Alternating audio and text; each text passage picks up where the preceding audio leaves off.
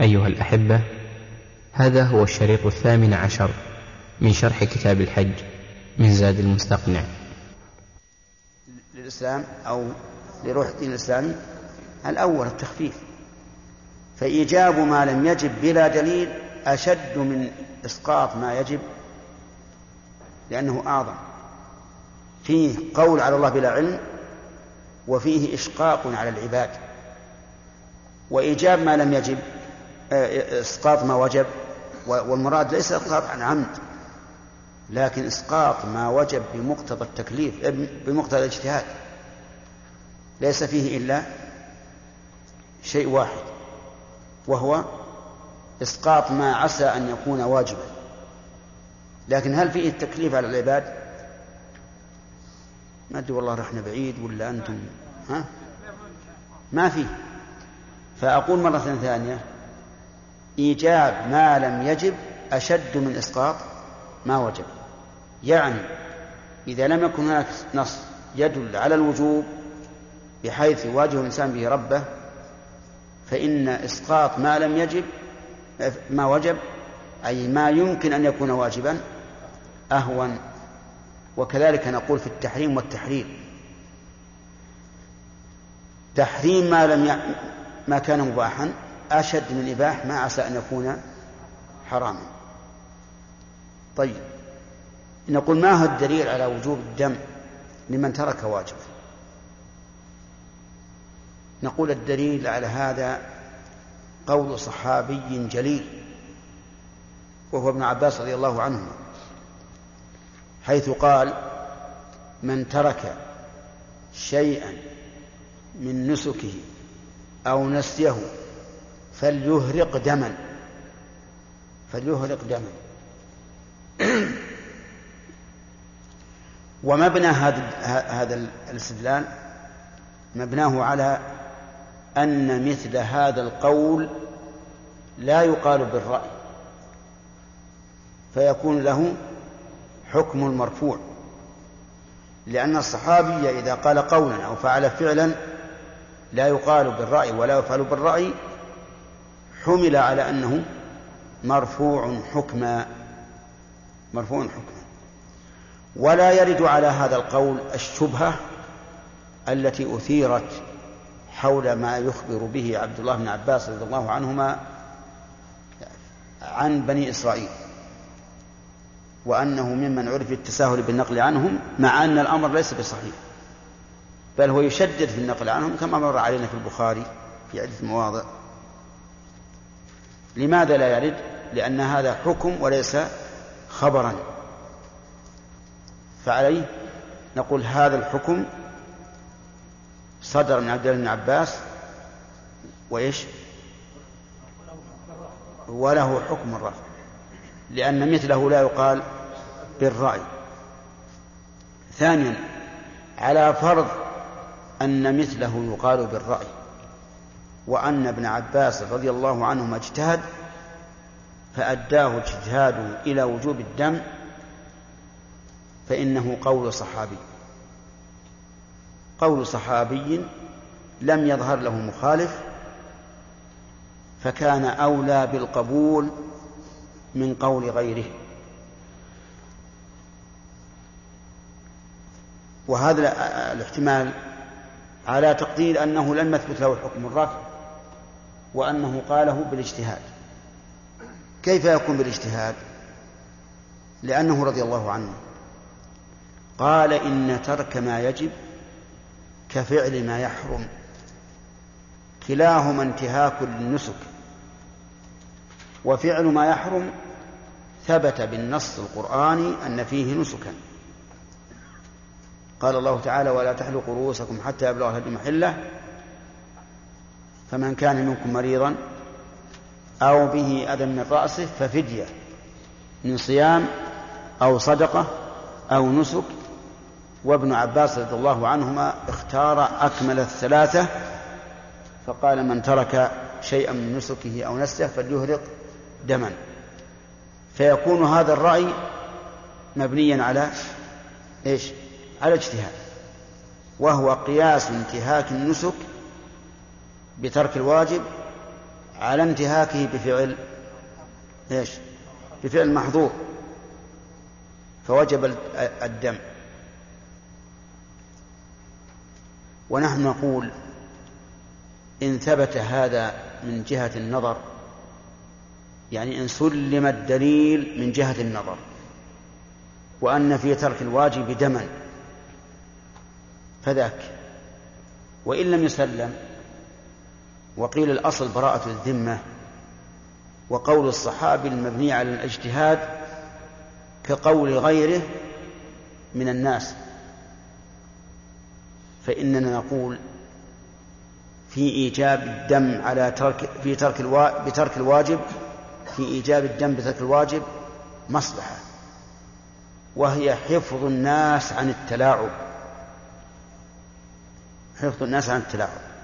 أنت لو قلت ليس في ترك الدم في ترك الواجب دم. أكثر الناس لا يهتمون بأنه واجب وأن في تركه الاستغفار والتوبة. ما يهمهم. يقول إذا شئت أن أملأ, أن أملأ لك أجواء مكة كلها وإلى المدينة استغفارا وتوبة فأنا ما عندي مانع. لكن لا تجعلني أخسر ولا خمسين ريال. تقول تب إلى الله؟ قال ما يخالف. كم مرة؟ ما عندي مانع. لكن لا تلزمني بشيء لا أكثر يعني كثير من الناس ما نقول أكثرهم إن شاء الله كثير من الناس لا يهمه.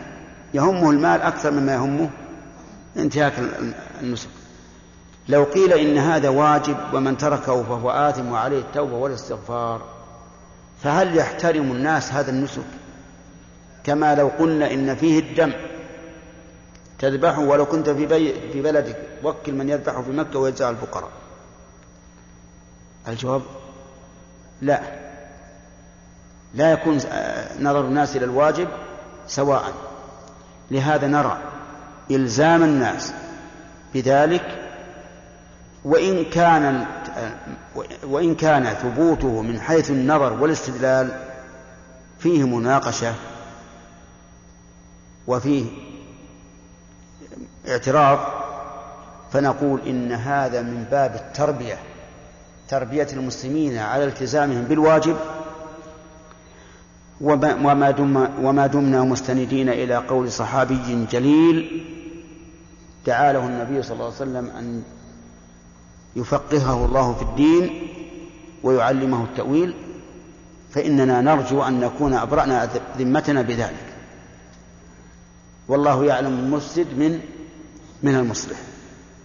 لهذا نحن نفتي بأنه يجب على من ترك واجبا أن يذبح فدية يوزعها على الفقراء في مكة. لهذا النظر الذي ذكرناه. لكن إذا لم يجد هديا إذا لم يجد دما فما الواجب؟ المذهب الواجب عليه أن يصوم عشرة أيام. ثلاثة في الحج وسبعة إذا رجع إلى أهله. فإن لم يتمكن من صيامها في الحج صامها في بيت في بلده. ولكن هذا القول لا دليل عليه. لا من أقوال الصحابة ولا من القياس.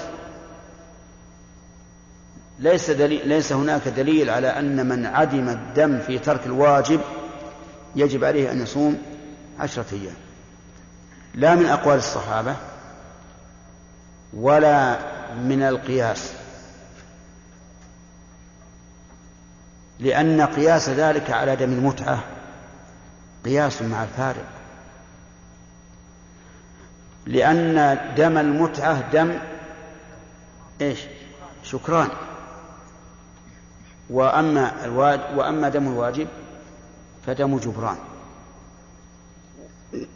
لذلك نرى أن القياس غير صحيح وحينئذ نقول لمن ترك واجبا اذبح فدية في مكة ووزعها على الفقراء بنفسك أو بمن تثق به من الوكلاء فإن كنت غير قادر فتوبتك تجزي عن الصيام. تب إلى الله ويكفي هذا هو الذي نراه في, هذه المسألة وجاء وقت الأسئلة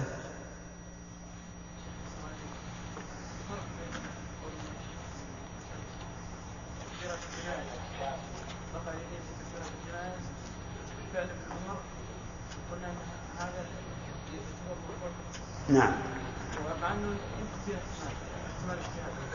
كيف الاجتهاد؟ ممكن يجتهد كيف يجتهد؟ على أي شيء يقيس؟ أي عموم؟ هل هناك عموم أن الإنسان كلما كبر يرفع يديه؟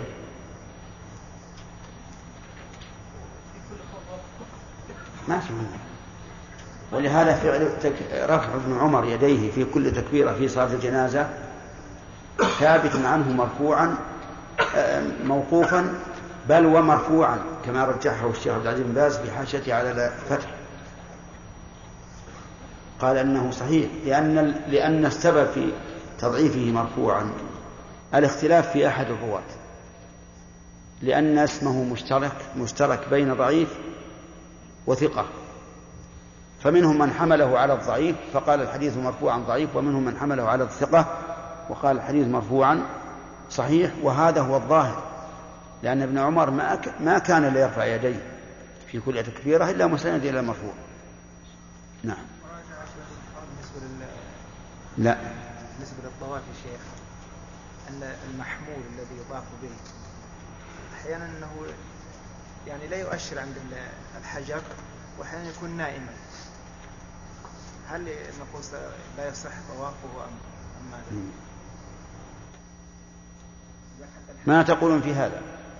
يقول بعض الناس الذين يحملون في الطواف والذين يركبون العربية في السعي يجد الراحة والهز. نعم. فينام. والفراد أيضا. فينام. هل يجزئه الطواف؟ نقول إذا نوى على على القول بأن الشرط إذا نوى في ابتداء الطواف. ثم نام فطوافه صحيح. وإن نام قبل أن يبتدئ وهذا في الظاهر لا يكون. فإن فإن طوافه ليس بصحيح. نعم. شيخ بالنسبة لمن ذبح في عرفة فلا يشكل عليه أن الرسول صلى الله عليه وسلم ما عذر الصحابي الذي ذبح قبل الوقت يوم العيد. أي نعم. وهذا مجتهد وسليم القلب حينما ذبح. نعم. هذا يقول إذا كان النبي عليه الصلاة والسلام لم يعدل الصحابي الذي رم الذي ذبح الأضحية في غير الوقت أفلا نقول إن من ذبحها في المكان الذي لا يذبح فيه ولو كان معذورا بجهل تلزمه الإعادة وهذا لا شك أنه إراد قوي لأن المخالفة في المكان كالمخالفة في الزمان. لكن الذي يمنع من الحاق هذه بهذه أنه ليس هناك نص على أن الذبح لا بد أن يكون في الحرم. إذا كان إذا كان المقصود نفع الفقراء. لو كان هناك نص ما في المسألة إشكال. أي نعم. صحيح. هذا يدل على أن, أن فجاج مكة كلها منحر ومكة طريق ومنحر فجاج مكة طريق ومنحر لكن لا يدل إلا بالمفهوم على أن غيرها ليس بمنحر. على كل حال نحن نقول هذه مسألة ما دامت وقعت وفيها خلاف فإن لا نلزمها. لكن نقول آه، لا تعودوا ولا تعيدوا ثم يجب على طلبة العلم أيضا أن ينبه الناس على هذه المسألة. كان الناس في الأول منى ما فيها زحمة ولا أحد يفكر أن يذبح في عرفة أو يذبح في الشرايع مثلا. لكن الآن من أجل الزحمة صار الناس قد يضطرون إلى ذلك. فلهذا أنا أرى من الواجب على طلبة العلم أن ينبهوا على هذا لأنها مهمة. نعم. القاعدة على قول ابن عباس ترك واجب عليه في غير في هذا الحد؟ يعني حتى مثلا لو ترك التشهد الأول في الصلاة كنا ذبح عليك دم؟ مشكلة. لا هذا ما لم يقل به أحد.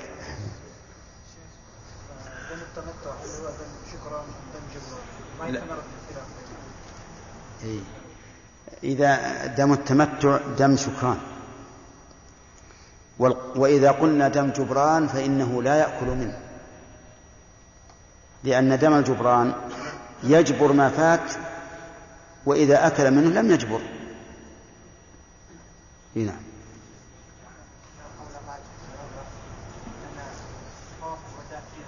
نعم.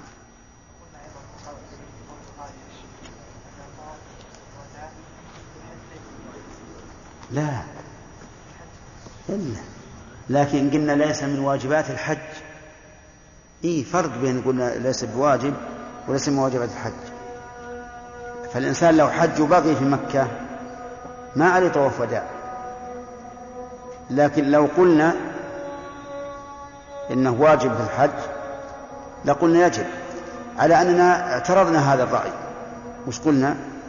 قلنا قد يكون واجبا في الحج بشرط أن يغادر مكة وحينئذ يصح أن يعد من واجبات واجبات الحج. ذكرتها؟ نعم. على ما رجحنا لو كان آثم وهو ترك واجبا ولكن لو علم أنه أذنب لكان أكبر عليه من أن يفتي بشاحن. هل هل نقول بالتوبة فقط ونلزم بالهدي؟ نقول بالتوبة والفدية. صريح والتعليل منتهي. لا لا نضرب القاعدة لأن أيضا هذا يوجب التشويش على العامة. فلان أوجبتم عليه وفلان ما أوجبتم. وش الفرق؟ وربما يكون الذين قلنا لا يجب عليك ربما يكون غني. ربما يكون غنيا فيحصل مشكلة. لا لو تفسحون. نعم. عبد الله. ها؟ إيش؟ إيش؟ إيه نعم نعم نعم.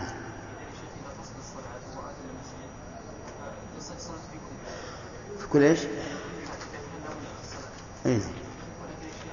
لا نوى الفريضة. إيه؟ نعم. نعم.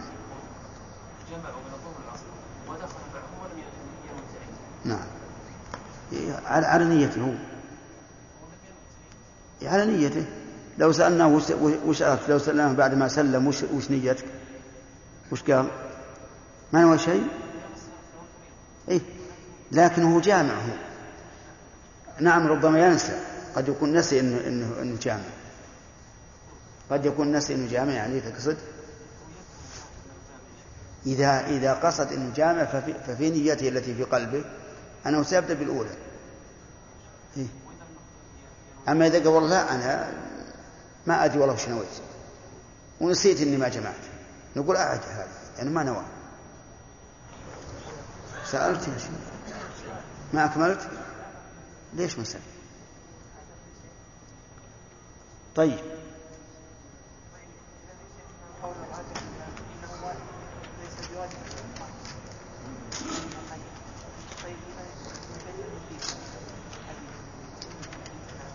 وهو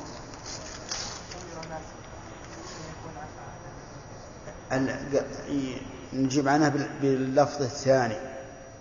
كان الناس ينصرفون من كل وجه. فقال النبي عليه الصلاة والسلام لا ينفر أحد حتى يكون آخر عهده بالبيت. نعم. أي نعم نعم. بالنسبة للنية المعينة التفريق لو قال قائل هناك تفريق بين الصلاة والحج لأن الحج تتجزأ بعض أفراده.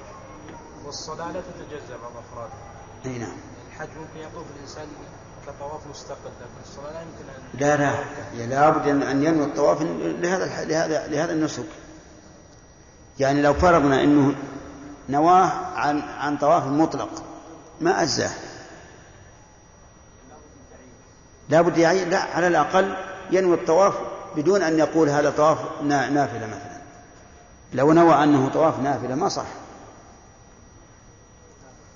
انتهى الوقت؟ طيب وش اللي عندي الآن؟ الرحمن الرحيم. قال رحمه الله تعالى باب الفوات والإحصار. من فاته الوقوف فاته الحج وتحلل بعمرة ويقضي ويهدي إن لم يكن. ويهدي إن لم يكن اشترط. ومن صده عدو عن البيت أهدى ثم حل. فإن فقده صام عشرة أيام ثم حل. وإن صد عن عرفة تحلل بعمرة وإن حصره مرض أو ذهاب نفقة بقي محرما إن لم يكن اشترط. بسم الله الرحمن الرحيم الحمد لله رب العالمين وصلى الله وسلم على نبينا محمد وعلى آله وأصحابه ومن تبعهم بإحسان إلى يوم الدين. أما بعد فقد سبق الكلام على ذكر بل الكلام على الأركان والواجبات والسنن وبيان حكم كل منها وأن من ترك الإحرام لم ينعقد نسكه ومن ترك ركنا غيره لم يتم نسكه إلا به. ومن ترك واجبا فعليه دم ومن ترك سنة فلا شيء عليه. وسبق بيان الأدلة على ذلك.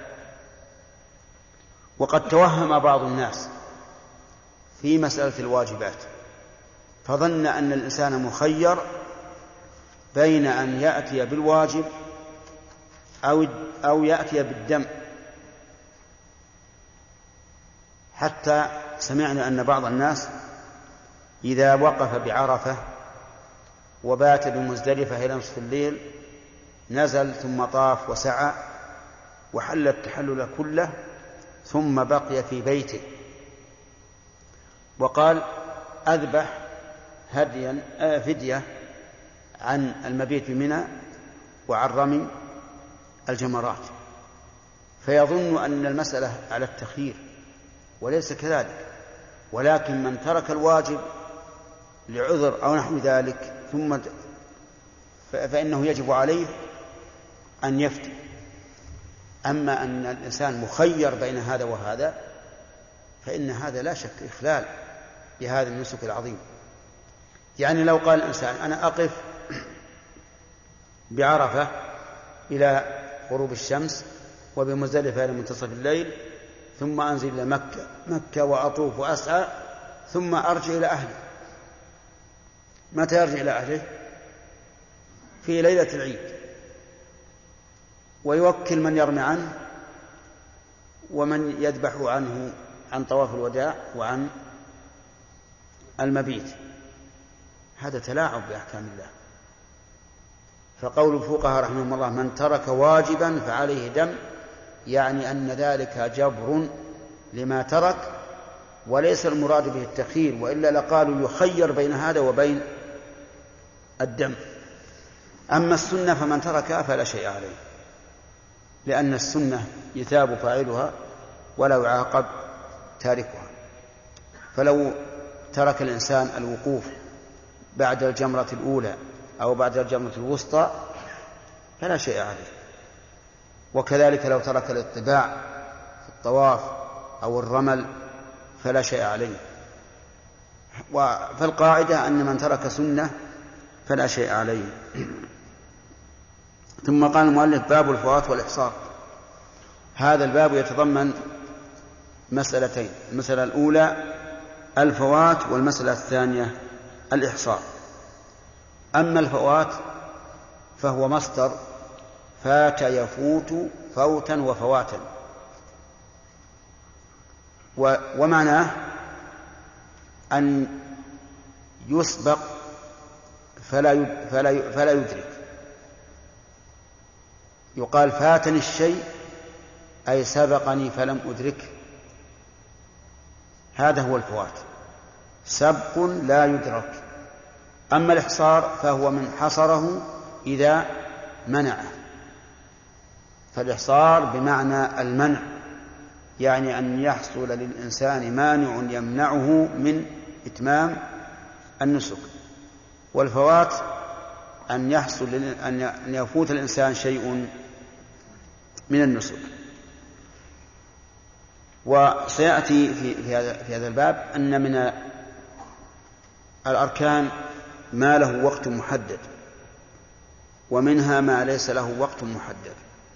فالوقوف الذي هو الحج كما قال النبي عليه الصلاة والسلام الحج عرفة له وقت محدد. حده متى؟ طلوع الفجر يوم النحر. فيقول مالك في حكم ذلك من فاته الوقوف فاته الحج. من فاته الوقوف فاته الحج.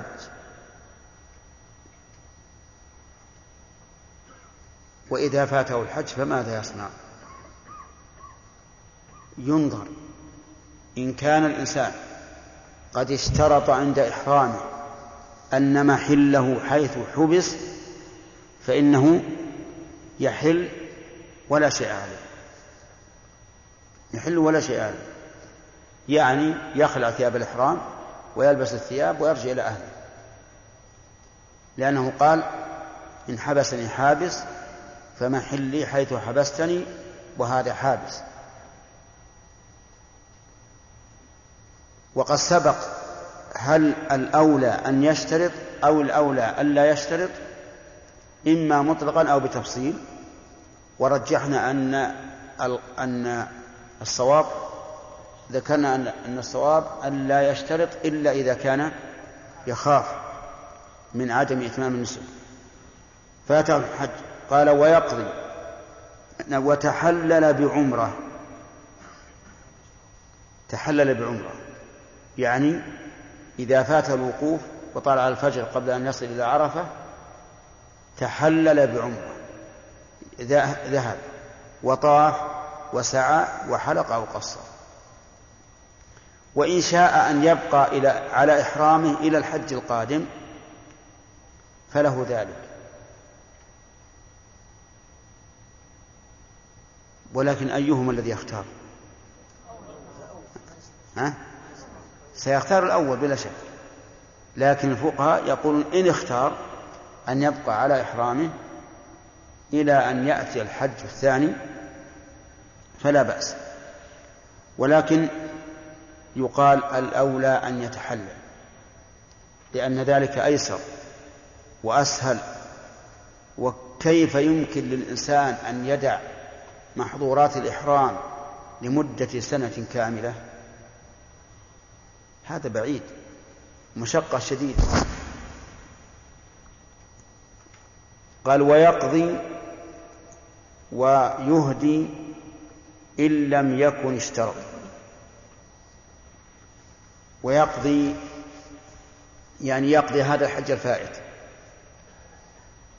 وظاهر كلام المؤلف أنه يقضي سواء كان الحج واجبا أم تطوعا. لأنه إن كان واجبا فوجوب القضاء ظاهر سواء كان واجبا بأصل الشرع بأن يكون هذا فريضة الإسلام أو واجبا بالنذر فإن قضاءه أمر واضح أنه يجب عليه القضاء. ولكن إذا كان تطوعا فهل يجب القضاء؟ نقول نعم يجب القضاء وذلك لأن الإنسان إذا شرع في النسك صار واجبا وهذا من خصائص الحج والعمرة. أن نفلهما يجب المضي يجب المضي فيه بخلاف غيرهما. فهو لما شرع وأحرم بالحج أو بالعمرة صار ذلك واجبا في حقه كأنما نذره نذرا. وإلى هذا يشير قوله تعالى ثم ليقضوا تفثهم وليوفوا نذورهم وليطوفوا بالبيت العتيق وعلى هذا فيجب القضاء سواء كان ذلك تطوعا أو واجبا بأصل الشرع وهو الفريضة أو بالنذر. لقول النبي صلى الله عليه وآله وسلم من نذر أن يطيع الله فليطع وقول المؤلف إن لم يكن اشترط فإن كان اشترط فلا قضاء عليه ولا هدي عليه إلا إذا كان الحج واجبا بأصل الشرع أو واجبا بالنذر فإنه يلزمه القضاء ولو كان اشترط وعلى هذا فيكون, قوله إن لم يكن اشترط فيما إذا كان الحج نفلا أما إذا كان واجبا بأصل الشرع أو واجبا بالنذر فيلزمه القضاء على كل حال لأنه قد وجب عليه قبل أن يشرع فيه. ومن تعرض المؤلف رحمه الله إلى مسألة إذا أخطأ الناس في يوم الوقوف بأن وقفوا ثم ثبت ثبوتا شرعيا أن وقوفهم كان في غير يوم عرفة. فهل حجهم صحيح أو حجهم باطل؟ أنتم فاهمين؟ وعلى كل حال في الوقت الحاضر هذا شيء قد يكون متعذرا لكن فيما سبق ربما يكون. وقف الناس ثم ثبت ببينة أن وقوفهم كان في اليوم العاشر. وأن الهلال هل قبل أن يراه الناس في مكة؟ فهل لزمه القضاء؟ الجواب لا. لازمهم القضاء. لأن الهلال اسم لما اشتهر. اشتهر عند الناس. ولأنهم فعلوا ما أمروا به. فإن النبي صلى الله عليه وآله وسلم قال إن غم عليكم فأكملوا العدة ثلاثين. فهؤلاء غم عليهم هلال ذي الحجة فيلزمهم أن يتموا ذي القعدة أن يتموا ذا القعدة ثلاثين يوما. ومن فعل ما أمر به على وجه أمر به فإنه لا يلزمه القضاء. لأننا لو ألزمناه بالقضاء لأوجبنا عليه العبادة مرتين. طيب وإن وقف يسير منهم فأخطأوا فإن حجهم غير صحيح. بل نقول إنهم إذا وقف اليسير منهم فهم مخطئون بكل حال لأن الواجب عليهم الرجوع إلى ما كان عليه الجماعة. فلو تعنت أناس وقالوا ما يمكن أن يكون الهلال هلا البارحة. منازل الهلال ضعيفة. ولا نقبل أن يكون اليوم التاسع هو عند هؤلاء هو اليوم التاسع بل هو اليوم الثامن. وسنقف في يوم العاشر. العاشر عند الناس التاسع على زعمهم. فإننا نقول لهؤلاء إن حجهم غير صحيح. يقول إن أخطأ الناس فوقفوا في الثامن أو العاشر أجزأهم وإن أخطأ بعضهم فاته الحج. قال ومن أحرم فصده عدو. إلى انتقل المؤلف الآن إلى الإحصار. فصار الفوات حكمه سهل. نقول إذا إذا فات الوقوف فات الحج وأنت الآن بالخيار. بين أن تبقى على إحرامك إلى العام القادم وبين أن إيش؟ تتحلل بعمرة هذه واحدة. ثانيا هل عليه القضاء؟ نقول إن كان نفلا وقد اشترط عند ابتداء الإحرام أن محله حيث حبس إيش؟ فلا شيء عليه. لا هدي ولا قضاء. وإن كان واجبا بأصل الشرع أو واجبا بالنذر أو تطوعا ولم يشترط فعليه القضاء من العام القادم ويهدي والهدي يكون وقته في القضاء لأنه الآن فاته الحج فيكون الهدي في القضاء. ثم تكلم المؤلف عن الإحصار فقال ومن صده عدو عن البيت أهدى ثم حل. من صده عدو عن البيت. يعني عن الوصول إلى إلى إلى البيت. سواء في عمرة أو في حج. فإنه يهدي يعني يذبح الهدي ثم يحل. لقول الله تبارك وتعالى فإن وأتموا الحج والعمرة لله فإن أحصرتم فما استيسر من الهدي. أي فعليكم ما استيسر من الهدي. ولأن النبي صلى الله عليه وآله وسلم أمر أصحابه في الحديبية أن ينحروا ويحلوا. أحدى ثم حل. وقوله من صده عدو. من اسم شرط أو اسم موصول. يجوز أن تكون موصولا وأن تكون شرطية وعلى كل تقدير فهي للعموم. فيعم ما إذا كان الصد عاما أو كان خاصا. العام أن يصد كل الحجيج لا قدر الله ذلك. والخاص أن يصد واحد واحد من الناس. أو جماعة من الناس. فماذا يصنعون؟ لنفرض أن أناسا تسللوا وجاءوا بلا جواز. فمنعوا. هؤلاء نقول أحصروا. لكن لا ينطبق على قول المؤلف هنا. لأن المؤلف يقول من من حصره عدو. فيرى أن الحصر خاص بالعدو وأن الحصر بغير العدو ليس له حكم الحصر بالعدو. طيب وسنتكلم على هذا إن شاء الله. يقول أهدى ثم حل. فإن فقده صام عشرة أيام ثم حل.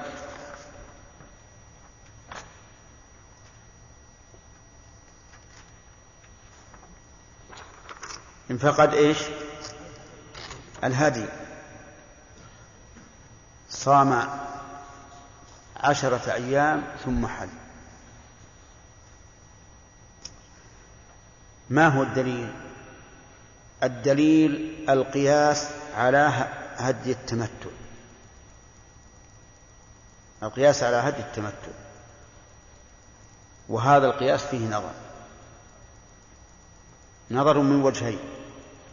الوجه الأول أن ظاهر حال الصحابة الذين كانوا مع النبي صلى الله, صلى الله عليه وآله وسلم وهم ألف وأربعمائة نفر أن فيهم الفقراء. ولم يرد أن الرسول قال لهم من لم يجد الهدي فليصم عشرة أيام. والأصل براءة الذمة. وأما الوجه الثاني فلأن الهدي الواجب في التمتع هدي شكران للجمع بين النسكين أما هذا فهو عكس التمتع لأن هذا حرم من إيش؟ من من نسك واحد فكيف يقاس هذا على هذا؟ فلذلك لا يصح القياس ونقول من لم يجد هديا إذا أحصر فإنه يحل ولا شيء عليه. وظاهر كلام المؤلف رحمه الله هنا أنه لا يجب الحلق ولا التقصير لأنه لم يذكره بل قال أهدى ثم حل. ولكن الصحيح أنه يجب الحلق أو التقصير لأن النبي صلى الله عليه وآله وسلم أمر بذلك. بل إنه غضب لما توانى الصحابة في عدم الحلق. والصحيح أن الحلق واجب على من؟ على من أحسن. بدلالة القرآن أو بدلالة السنة؟ بدلالة السنة. القرآن ليس فيه إلا قوله تعالى فإن أحصرتم فما استيسر من الهدي ولا تحلقوا رؤوسكم حتى يبلغ الهدي محله. فيه إشارة إلى أنه لا بد من حلق لقوله ولا تحلقوا رؤوسكم حتى يبلغ الهدي محله. لكن السنة صرحت بذلك بأنه لا بد من الحلق أو التقصير. طيب إذن الإحصار. منع الإنسان من إتمام النسك.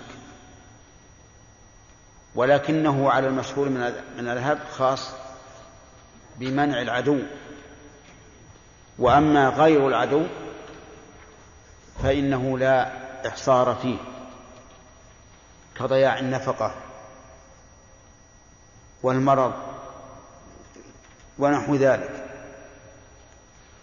ولكن من حبس بغير حق فهل هو كمن حصر بعدو؟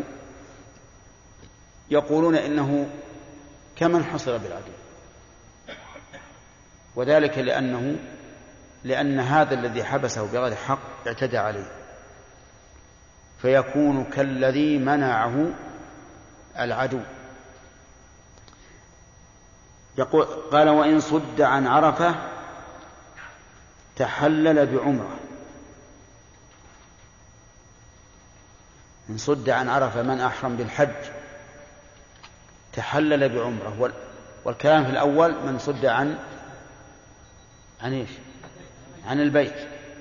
لأن من صد عن البيت لا يمكن أن يتحلل بعمرة لأن العمرة لا بد فيها من طواف. لكن من صد عن عرفة فقط بأن يكون في عرفة عدو يمنع الناس من الوصول إليها. فهنا يتحلل يقول تحلل بعمرة. طيب يتحلل بعمرة ولا شيء عليه.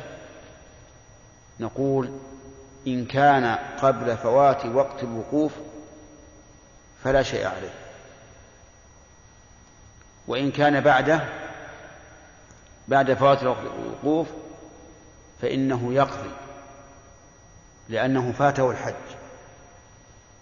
والأول الذي حصل عن عرفة ثم لما رأى أنه لا يمكن أن يقف جعله عمرة لا شيء عليه. وعللوا ذلك بأنه يجوز لمن أحرم بالحج أن يجعله عمرة ولو بلا حصر ما لم يقف بعرفة أو يسق الهدي. كما مر علينا في التمتع. هكذا قالوا رحمهم الله بأنه إذا صد عن عرفة تحلل بعمرة قبل فوت الوقوف. فإن لم يتحلل إلا بعده صار كمن فاته الوقوف يتحلل بعمرة ويقضي من العام القادم.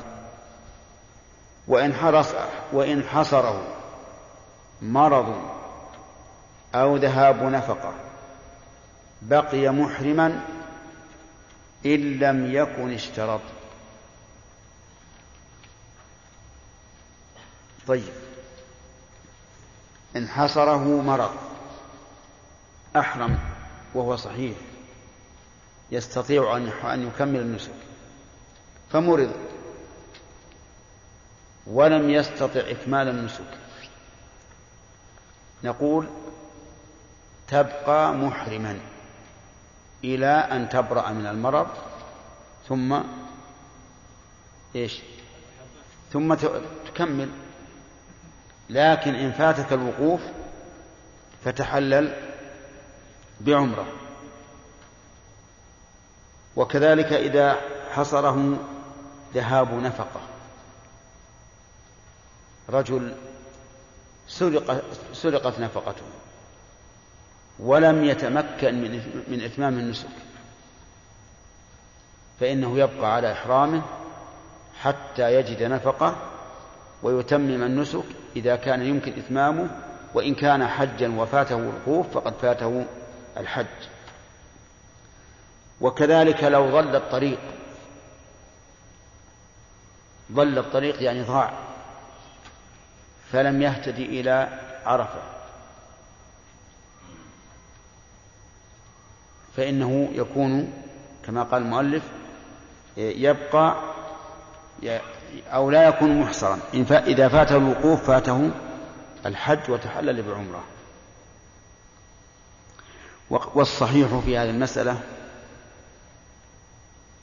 أنه إذا حصر بغير عدو فكما لو حصر بعدو لعموم قوله تعالى وأتموا الحج والعمرة لله فإن أحصرتم يعني عن إيش؟ عن إتمامهما. ولم يقيد الله تعالى الحصر بعدو وأما قوله فإذا أمنتم فهذا ذكر حكم بعض أفراد العام وهذا لا يقتضي إيش؟ لا يقتضي التخصيص. لا يقتضي التخصيص. وهذه القاعدة أظن مرت علينا. إذا ذكر حكم عام ثم عطف عليه حكم يختص ببعض أفراده فإنه لا يقتضي التخصيص. ألم تروا إلى قوله تعالى والمطلقات يتربصن بأنفسهن ثلاثة قروء ولا يحل لهن أن يكتمن ما خلق الله في أرحامهن إن كن يؤمن بالله واليوم الآخر وبعولتهن أحق بردهن في ذلك. هل هذا الحكم يشمل كل المطلقات أو بعضا منهن من هي؟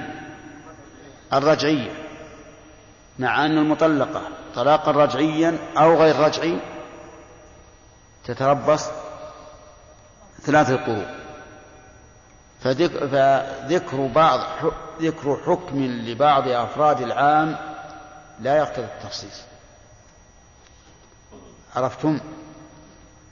لكن هذه القاعدة تنتقض على المذهب شيء آخر مثال آخر وهو قول النبي وهو قول جابر رضي الله عنه قضى النبي صلى الله عليه وسلم بالشفعة في كل ما لم يقسم فإذا وقعت الحدود وصرفت الطرق فلا شفعة.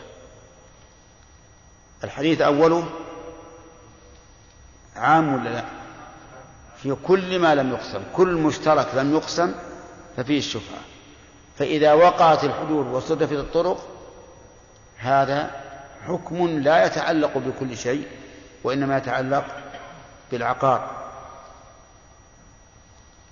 الفقهاء رحمهم الله خصوا الشفعة بالعقار ولم ينظروا إلى عموم الحديث إلى عموم أول الحديث.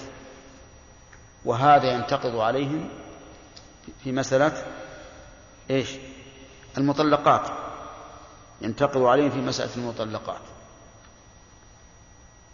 في الحصر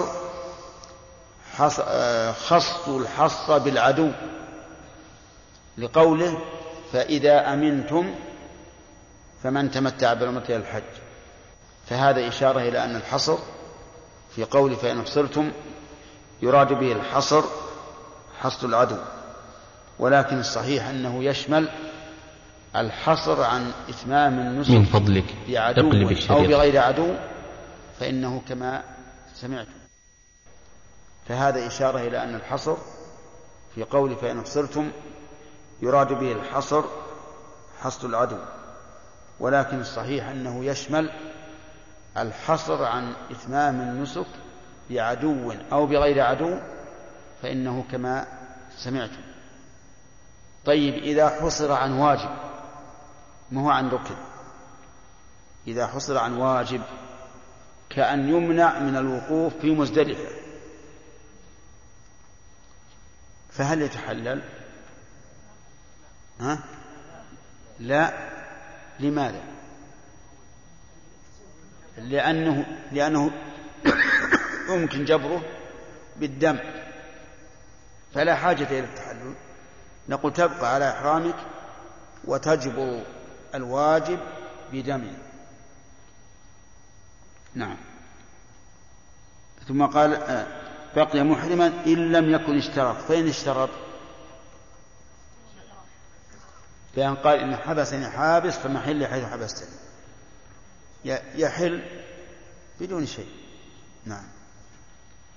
في مسألة العدو لو قالوا أن المراد لأن العدو لا يتمكن الإنسان من الوصول إلى الوصول إلى البيت. نعم. بينما غير غير ذلك فإذا انكشف مثلا الضلال عن مكة أو وجد نفقة يمكن الوصول إلى البيت. أي لكن إذا فاته الحج.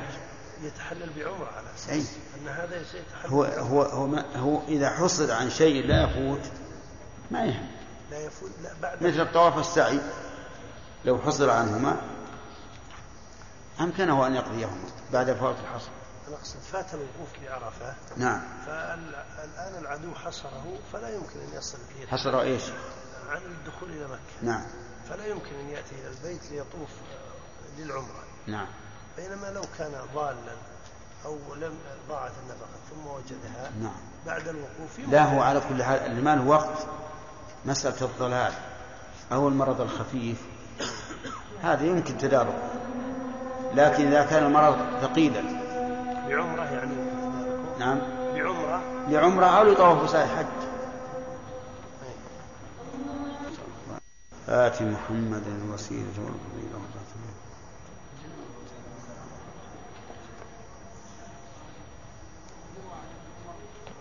نعم.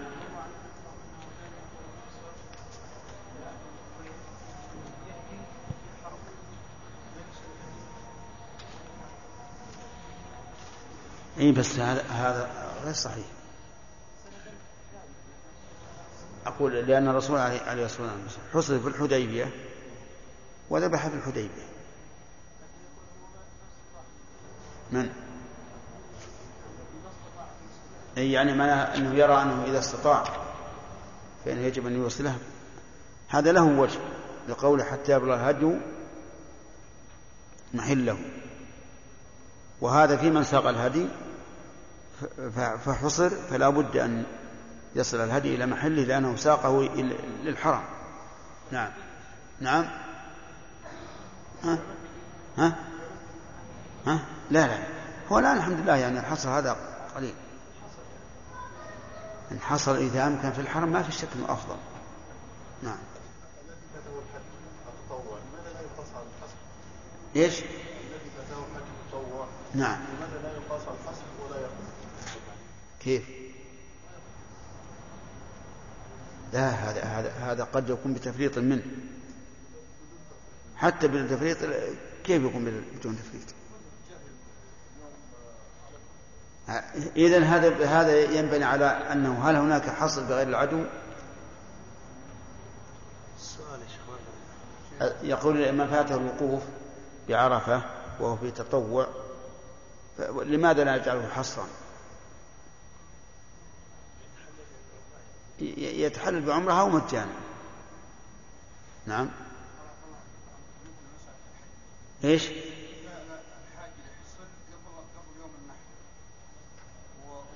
قبل يوم النحر ولا قبل عرفة؟ يعني بعد ما انصرف من عرفة حصل اي في مكان حصره.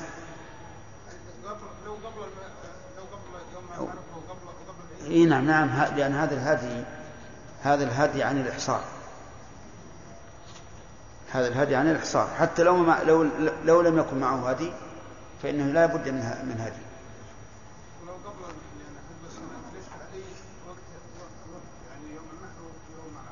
لا لا هذا آه، دم الحصار حيث وجد. حيث وجد سببه من زمان أو مكان.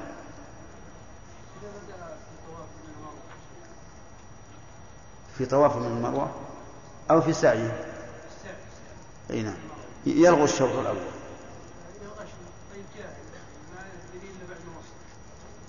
معناها ما ما طاف إلا ستة أشواط فقط. إيه، يلزم يلزم أن يرجع في فيتم السعي من أوله نعم. لا أن يجعله عمرة؟ أن يجعله عمرة ما لم يقف بعرفة إيش؟ كيف؟ إي طيب لا هذا هذا ما يجوز إلا إذا أراد أن يحج يعني معناه أن فسخ الحج إلى العمرة جائز بشرط أن يحج. نعم. أن يحج كيف؟ يعني؟ إيه يكون متمتع.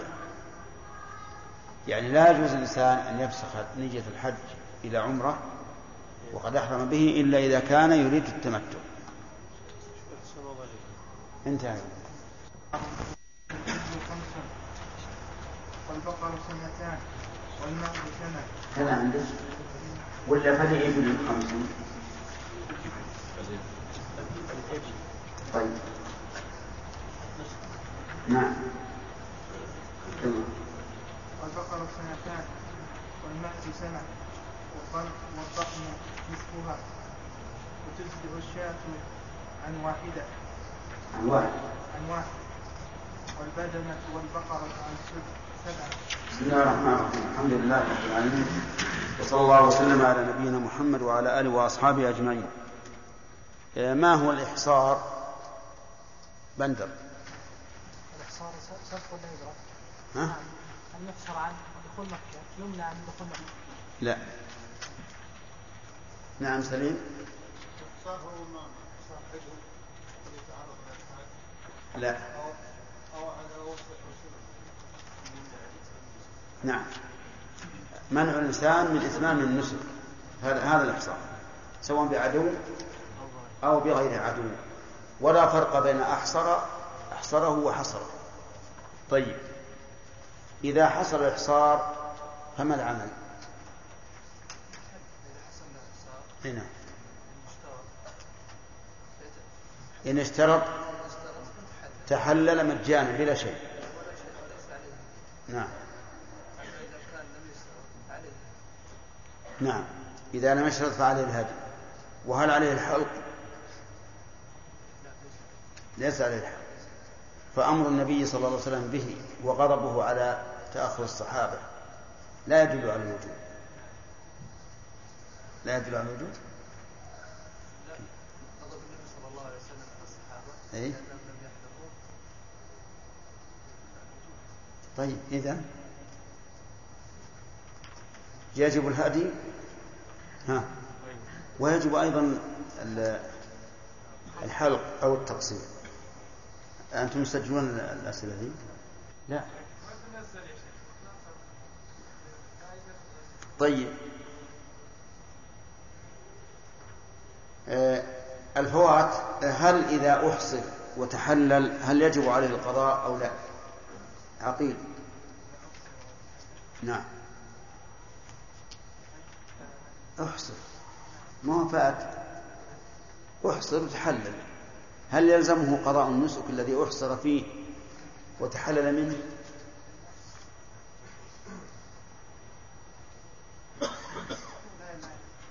لازم ما فات بارك الله فيك.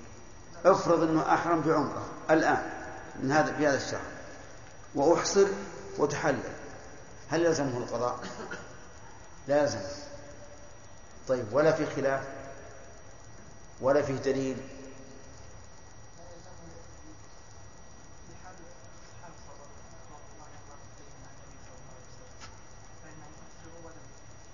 ولم؟ أليس الرسول قضى من العام القادم؟ كلهم قضوا نعم. طيب. هذا القول الذي ذهب إليه سولة بن داود. يقول إنه لا يجب القضاء والدليل أن النبي صلى الله عليه وآله وسلم لم يأمر من كانوا معه في الحديبية أن يقضوا هذا قول. وهو الراجح. يجب القضاء. فإن حصر يهدي ويحج من الأشياء هذه من الأشياء التي تلزم بالتلبس طيب. القول الثاني وجوب القضاء لأنه لما تلبس به صار كالنذر. لقوله تعالى ثم يقضوا ثفتهم وليوفوا نذورهم فيجب عليه القضاء. نعم شرف تفصيل إن كان الحج واجب الحج أو العمرة الشرع أو بإلزام نفسه نذر يجب عليه القضاء. إن كان لكن هل يسمى هذا قضاء أو يسمى هذا أداء بالواجب الأصل بالخطاب الأول؟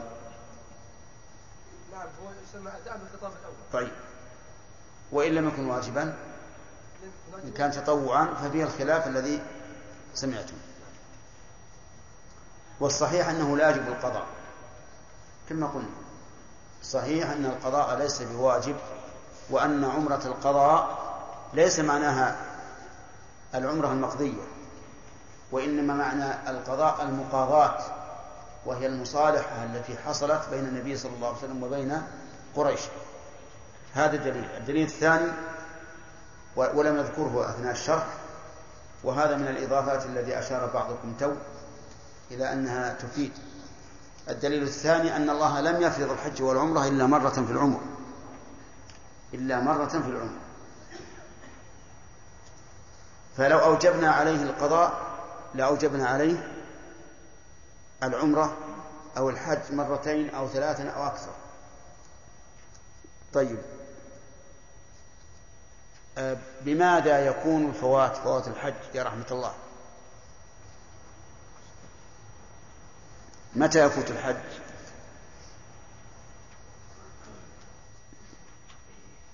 عباس الظاهر أنك ليس لك الحق في أن تجيب لأنك لا, تحضر لدروس الصباح. نعم؟ ها؟ إذا ليس على المريض حرج. أجب. العمرة لا يتصور فيها الفوات أما الحج أنا سألت متى يفوت الحج؟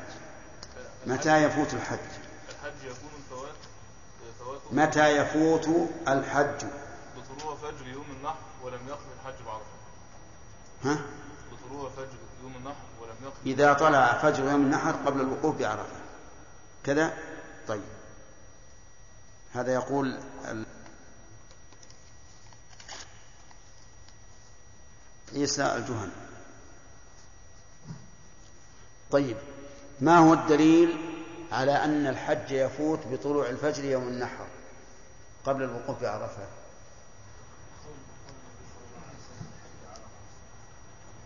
كم؟ الحج عرفة طيب وقف يوم عاشر. صار الحج عرفة.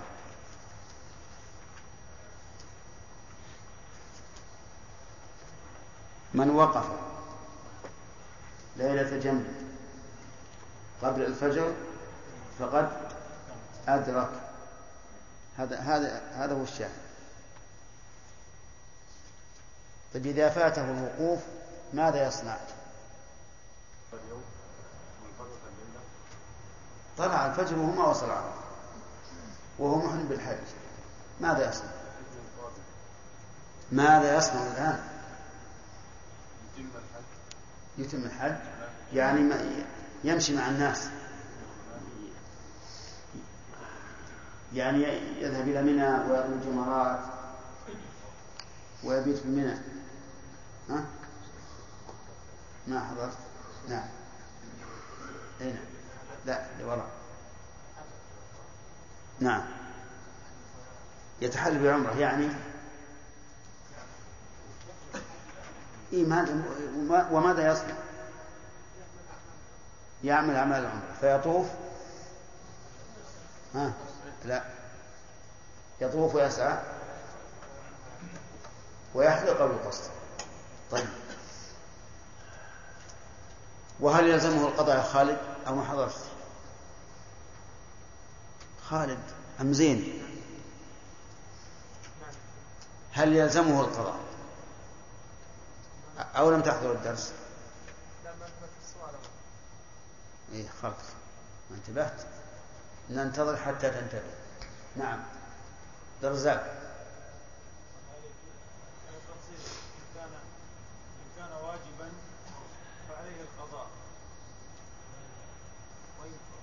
إن كان واجبا فعليه القضاء. بالخطاب الأول أو قضاء ما فات. طيب صحيح كالإحصاء. ها وإن لم يكن واجبا؟ فليس عليه القضاء على القول الراجح. ولا في التفصيل قبل هذا الكلام؟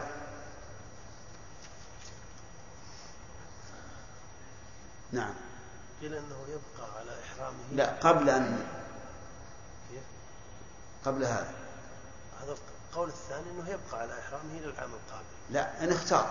أختار. إن اختار. لكن مو هو مختار هو. كان الحج واجبا انتهينا. كان واجبا فعليه القضاء بالخطاب الأول. إن كان تطوعا. إن كان واجبا يجب عليه. انتهينا من هذه جيل لا تجيبونه تطولوا على الوقت وإن كان نفلا. فإن لم يكن اشترط نعم.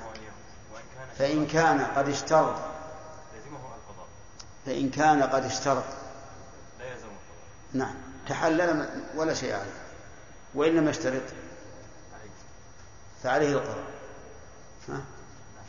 عليه القضاء سليم؟ ها. طيب. إذا لا فائدة من الإشارة من الإشارة. اتفقتم على هذا؟ إذا كان لم يشترط فقلنا إن فيه قولين.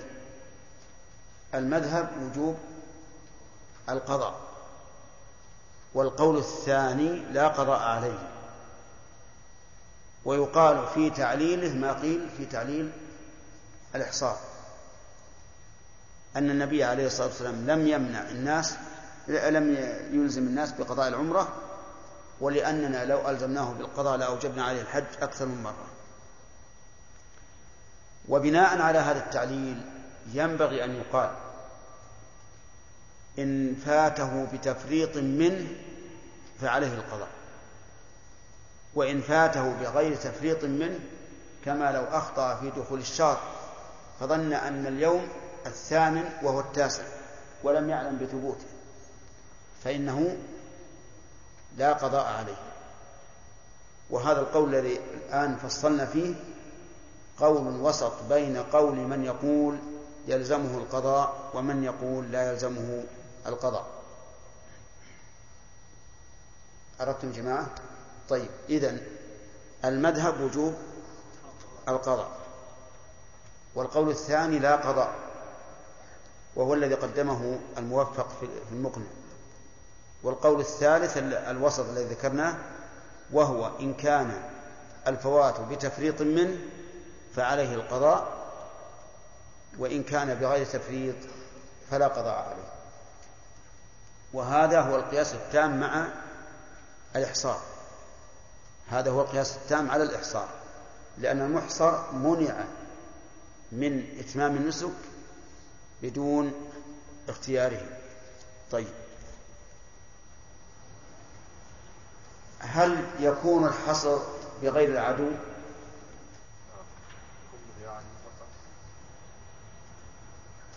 يعني بمعنى أنه إذا حصر بغير العدو يتحلل؟ يتحلل. طيب. فإذا حصر بغير العدو هل يتحلل؟ إلى متى؟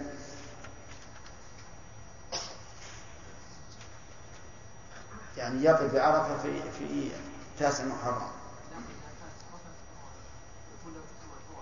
ها.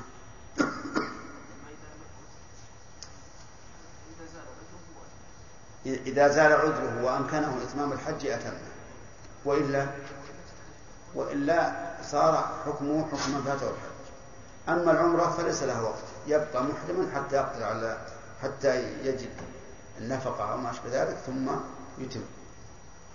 والصحيح أنه القول الصحيح أنه كالإحصار بالعدو إذا حصر بمرض أو ذهاب نفقة فإنه كالإحصار بالعدو يتحلل ويذبح الهدي. ثم قال المؤلف رحمه الله وهو درس الليلة باب الهدي والأضحية. الهدي كل ما يهدى إلى الحرم من نعم أو غيرها. يعني قد يهدي الإنسان نعما إبلا أو بقرا أو غنما وقد يهدي غيرها كالطعام. وقد يهدي اللباس. فالهدي أعم من الأضحية لأن الأضحية لا تكون إلا من بهيمة الأنعام كما سيأتي وأما الهدي فيكون من بهيمة الأنعام ومن غيرها فهو كل ما يهدى إلى الحرم. والأضحية ما يذبح في أيام النحر تقربا إلى الله عز وجل. هذه الأضحية. وسميت بذلك لأنها تذبح ضحى حيث تذبح بعد صلاة بعد صلاة العيد. ثم قال المؤلف أفضلها إبل. ولم يبين رحمه الله حكم الأضحية. ولكن الأضحية سنة أجمع المسلمون على مشروعيتها وهي في كل ملة. لقول الله تعالى ولكل أمة جعلنا منسكا ليذكر اسم الله على ما رزقهم من بهيمة النعام. فهي مشروعة في جميع الملل وهي سنة بإجماع المسلمين. لكن هل هي واجب أو سنة يكره تركها أو سنة لا يكره تركها؟ في هذه أقوال العلماء المذهب أنها سنة ويكره للقادر أن يدعها.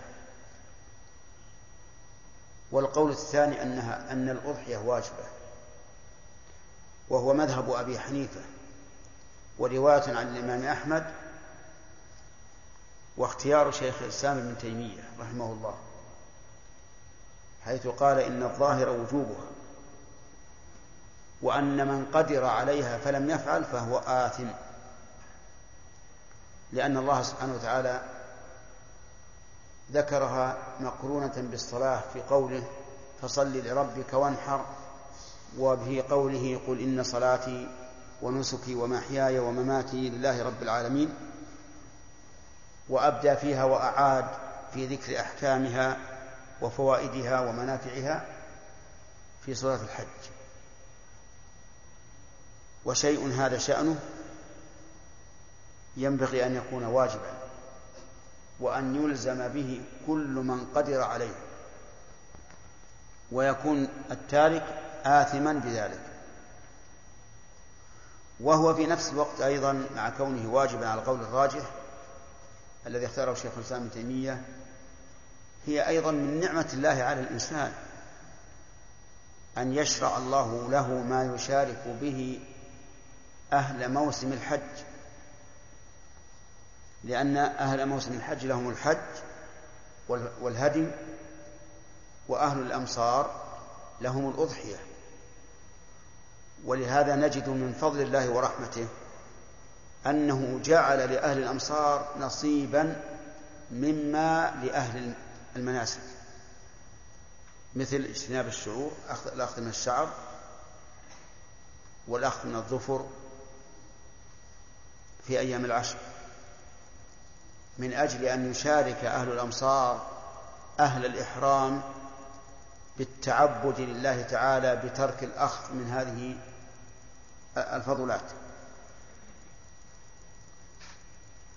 ولأجل أن يشاركوا أهل الحج بالتقرب إلى الله تعالى بذبح الأضاحي. لأنه لولا هذه المشروعية لكان ذبحها إيش؟ بدعة. ولنهي الإنسان عنها. لكن الله شرعها لهذه المصالح العظيمة. فالقول بالوجوب أظهر من القول بعدم الوجوب. لكن بشرط القدرة. أما العاجز الذي ليس عنده إلا مؤونة أهله أو المدين فإنه لا فإنه لا تلزمه الأضحية. بل إن من عليه الدين ينبغي له أن يبدأ بالدين قبل الأضحية. ثم هل الأضحية مشروعة عن الأموات أو عن الأحياء؟ الجواب الثاني مشروعة عن الأحياء إذ لم يرد عن النبي عليه الصلاة والسلام ولا عن الصحابة فيما أعلم أنهم ضحوا عن الأموات استقلالا. فإن رسول الله صلى الله عليه وآله وسلم مات له أولاد من بنين وبنات في حياته ومات له زوجات ومات له أقارب يحبهم ولم يضحي عن واحد منهم فلم يضحي عن عم عن عمه حمزة ولا عن زوجته خديجة ولا عن زوجته زينب بنت خزيمة ولا عن بناته الثلاث ولا عن أولاده. أبنائه ولو كان هذا من من الأمور المشروعة لبينه الرسول عليه الصلاة والسلام في سنته قولا أو فعلا. وإنما يضحي الإنسان عنه وعن أهل بيته.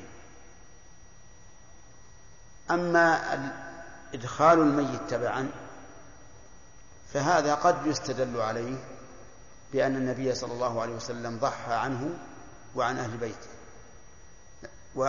وأهل بيته يشمل زوجاته اللاتي متن واللاتي في قيد الحياة. وكذلك ضحى عن أمته وفيهم من هو ميت. وفيهم من لم يوجد.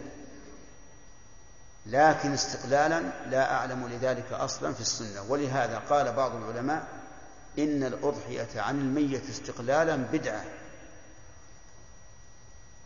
ينهى عنها. ولكن القول بالبدعة قول صعب. لأن أدنى ما نقول فيها أنها من جنس الصدقة وقد ثبت جواز الصدقة عن الميت. وإن كان الأضحية في الواقع لا يراد بها مجرد الصدقة بلحمها أو الانتفاع بلحمها. لن ينال الله لحومها ولا دماؤها ولكن أهم شيء فيها التقرب إلى الله بإيش؟ بالذبح. هذا أهم شيء. وذكر الله اسم الله على هذا الذبح. ثم قال المؤلف في بيان ما تكون ما تكون به الأضحية. يعني بأي شيء يضحى هل بكل شيء أو بأشياء خاصة؟ نقول الأضحية لا بد فيها من شروط. الشرط الأول أن تكون من بهيمة الأنعام وهي الإبل والبقر والغنم لقوله تعالى على ما رزقهم من من بهيمة الأنعام. فلا بد أن تكون من بهيمة الأنعام الإبل والبقر والغنم.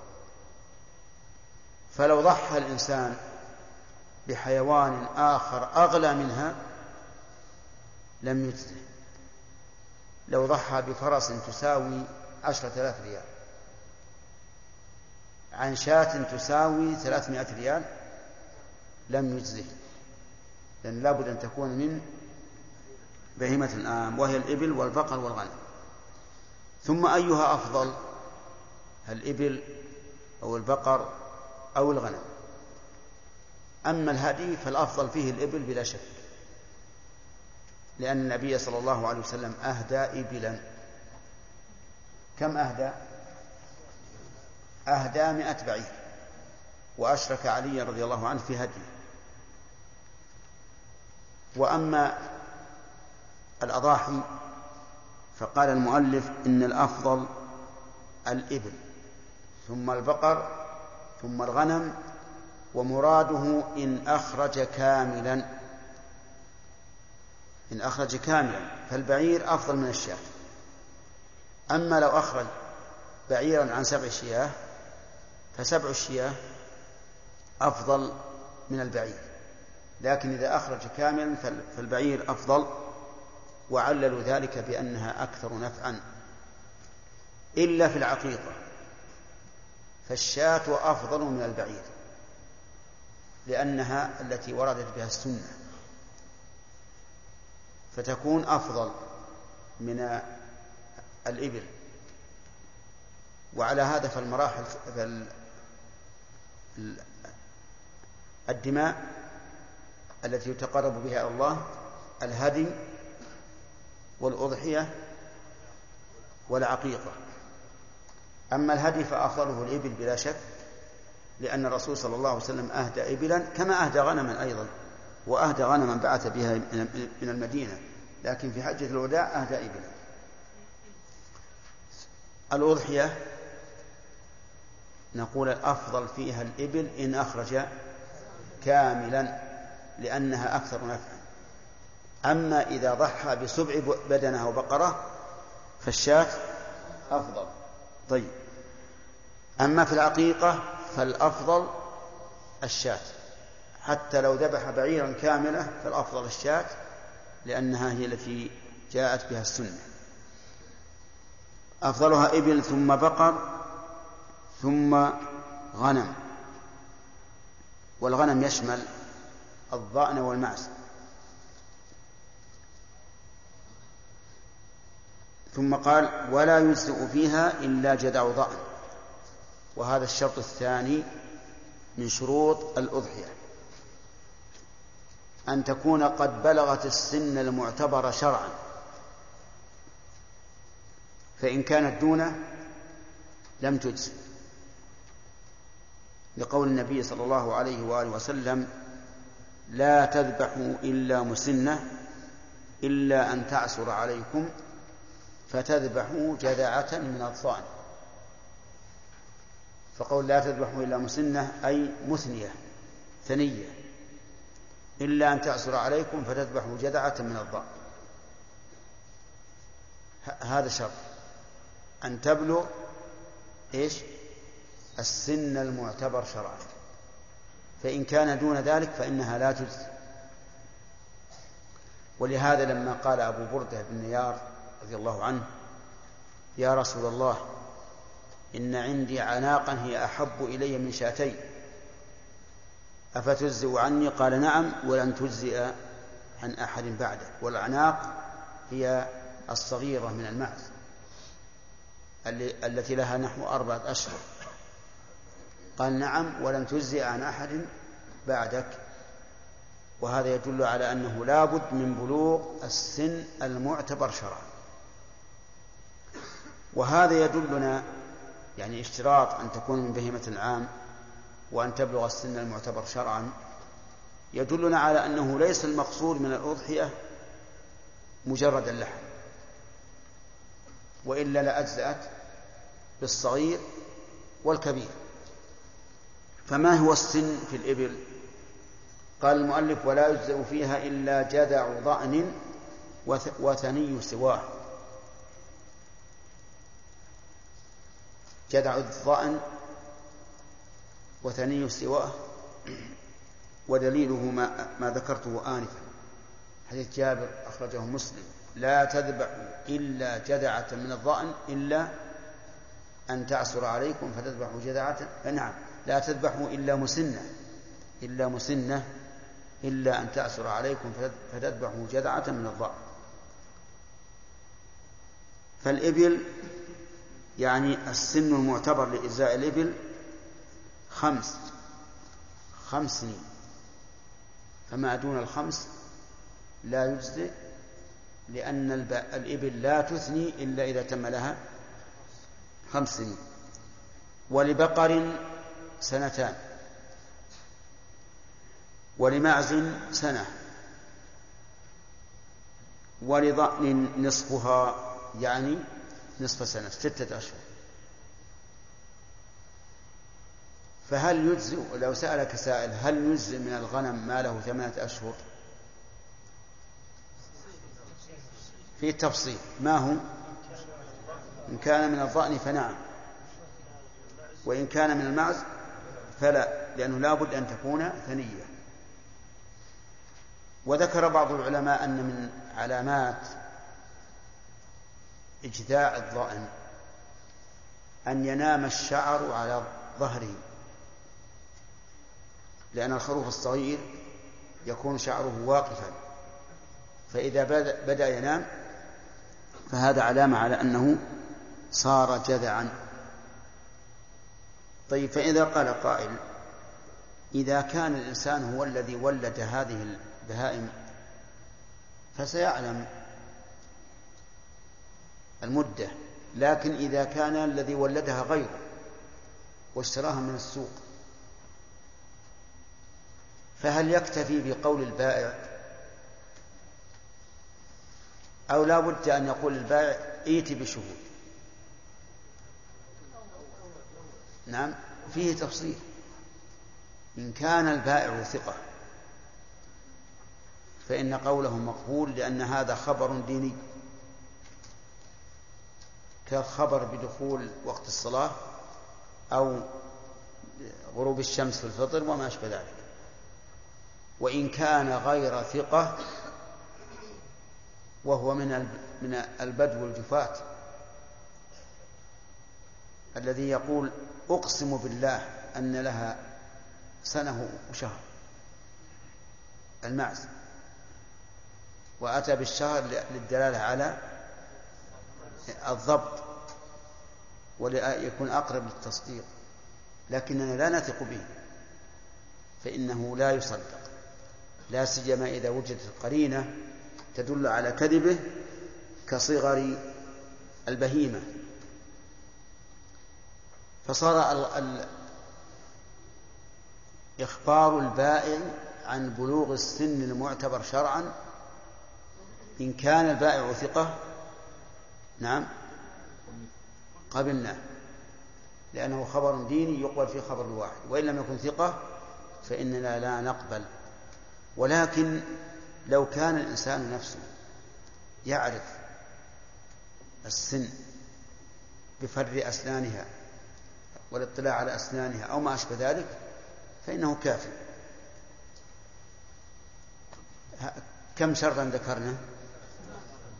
شرطين. الأول أن تكون بهيمة العام والثاني بلوغ السن المعتبر شرعا.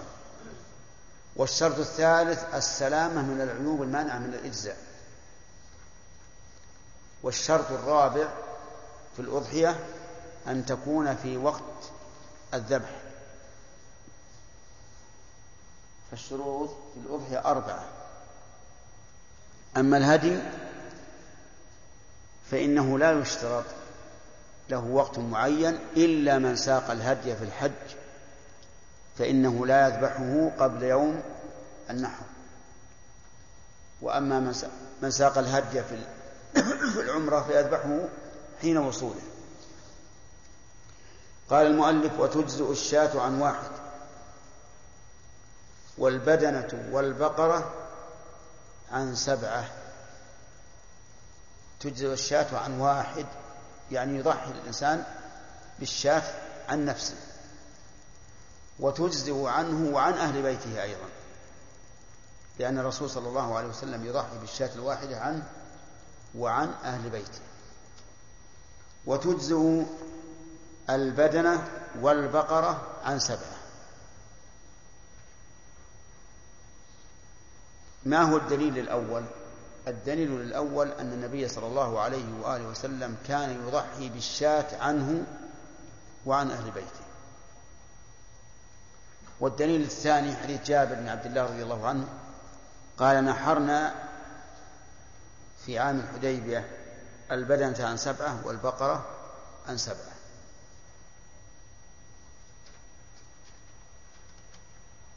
وقول المؤلف عن سبعة أي سبعة رجال. فإذا كان الإنسان يضحي بالواحدة الشاة الواحدة عنه أهل بيته فإنه يضحي بالسبع عنه وعن أهل بيته. لأن هذا تشريك في الثواب.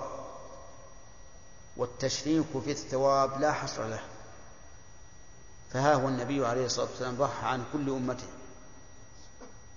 وها هو الرجل يضحي بالشاة الواحدة عنه وعن أهل بيته ولو كانوا مئة. أما التشريك في الملك فلا تزيد على سبعة. يعني لو اشترك ثمانية في بعير قلنا لا يجوز. لا بد أن يخرج واحد منكم. ولكن بماذا يخرج؟ إن رضي أحد منهم أن يخرج فهذا هو المطلوب وإلا فالأخير هو الخارج. فإن لم يعلم الأخير فالقرعة طيب لكن لو ذبحوها فبانوا ثمانية. فماذا يصنعون؟ نعم. قيل يذبحون شاة واحدة لتكمل للثامن ويحتمل أن يقال يقترعون. فمن خرج بالقرعة خرج وذبح شاة وحده. طيب البدنة والبقرة تجزي عن سبعة رجال أو تجزي عن ما عن سبع شياه. الثاني وإذا قلنا بالثاني قلنا إذا كانت الشاة تجزي عن الرجل وعن أهل بيته في الثواب فكذلك تجزي يجزئ سبع البدنة وسبع البقرة عنه وعن أهل بيته. طيب وقوله البدنة والبقرة عن سبعة يستثنى من ذلك العقيقة. فإن البدنة لا تجزئ فيها إلا عن واحد فقط.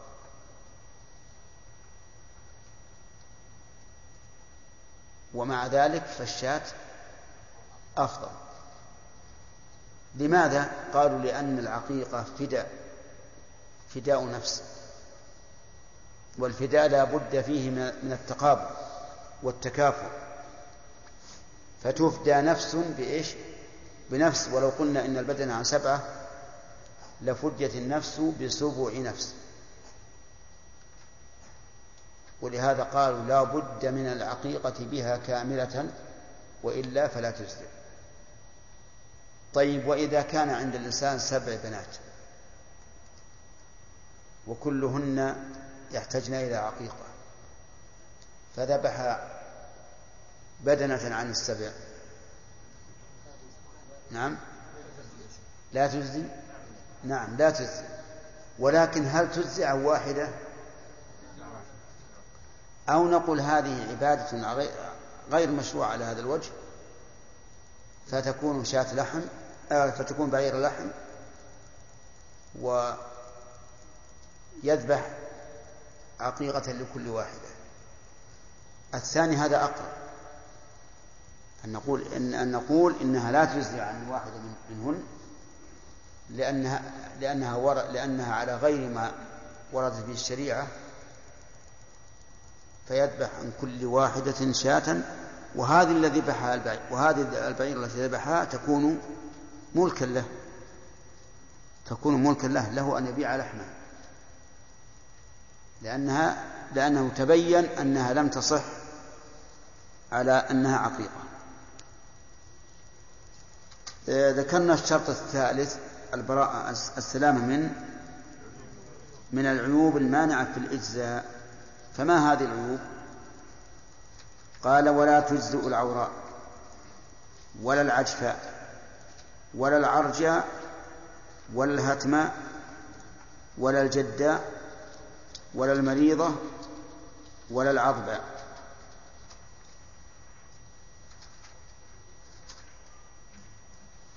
كم هذه؟ سبع. ومعلوم أن رفع الإجزاء عن البهيمة يحتاج إلى دليل لأن البهيمة إذا توافرت فيها أوصاف القبول فإننا لا نرفع حكم هذه الأوصاف وهو القبول إلا بوجود مانع من الشارع صحيح. فلننظر. قوله لا تجزئ العورى ولا العجف ولا العرج ولا المريضة. أسقطنا الهتم. لكن هذه الأربع عيوبها نص عليها النبي عليه الصلاة والسلام. فقد سئل ماذا يتقى من الضحايا؟ فقال أربع وأشار بأصابعه العورة لكن النبي صلى الله عليه وآله وسلم قيدها بأنها بينة العور العورة البين عورها وهل هناك عورة غير بين عورها؟ نعم. لو فرضنا أنها لا تبصر في إحدى عينيها ولكن إذا نظرت إلى العين ظننتها سليمة. فهذه عورة ولم يتبين أيها الإخوة عورها. في ختام هذه المادة نسأل الله أن نلقاكم في لقاءات متجددة. من هذا العور مع تحيات. أولى مؤسسة الاستقامة الإسلامية للإنتاج والتوزيع في عنيزة. شارع هلالة. رقم الهاتف والناسخة الهاتفية. صفر ستة ثلاثة ستة أربعة ثمانية ثمانية ثمانية صفر. والرقم الثاني صفر ستة ثلاثة ستة أربعة خمسة ثمانية ثمانية صفر. ورقم صندوق البريد اثنان وخمسمائة وألف.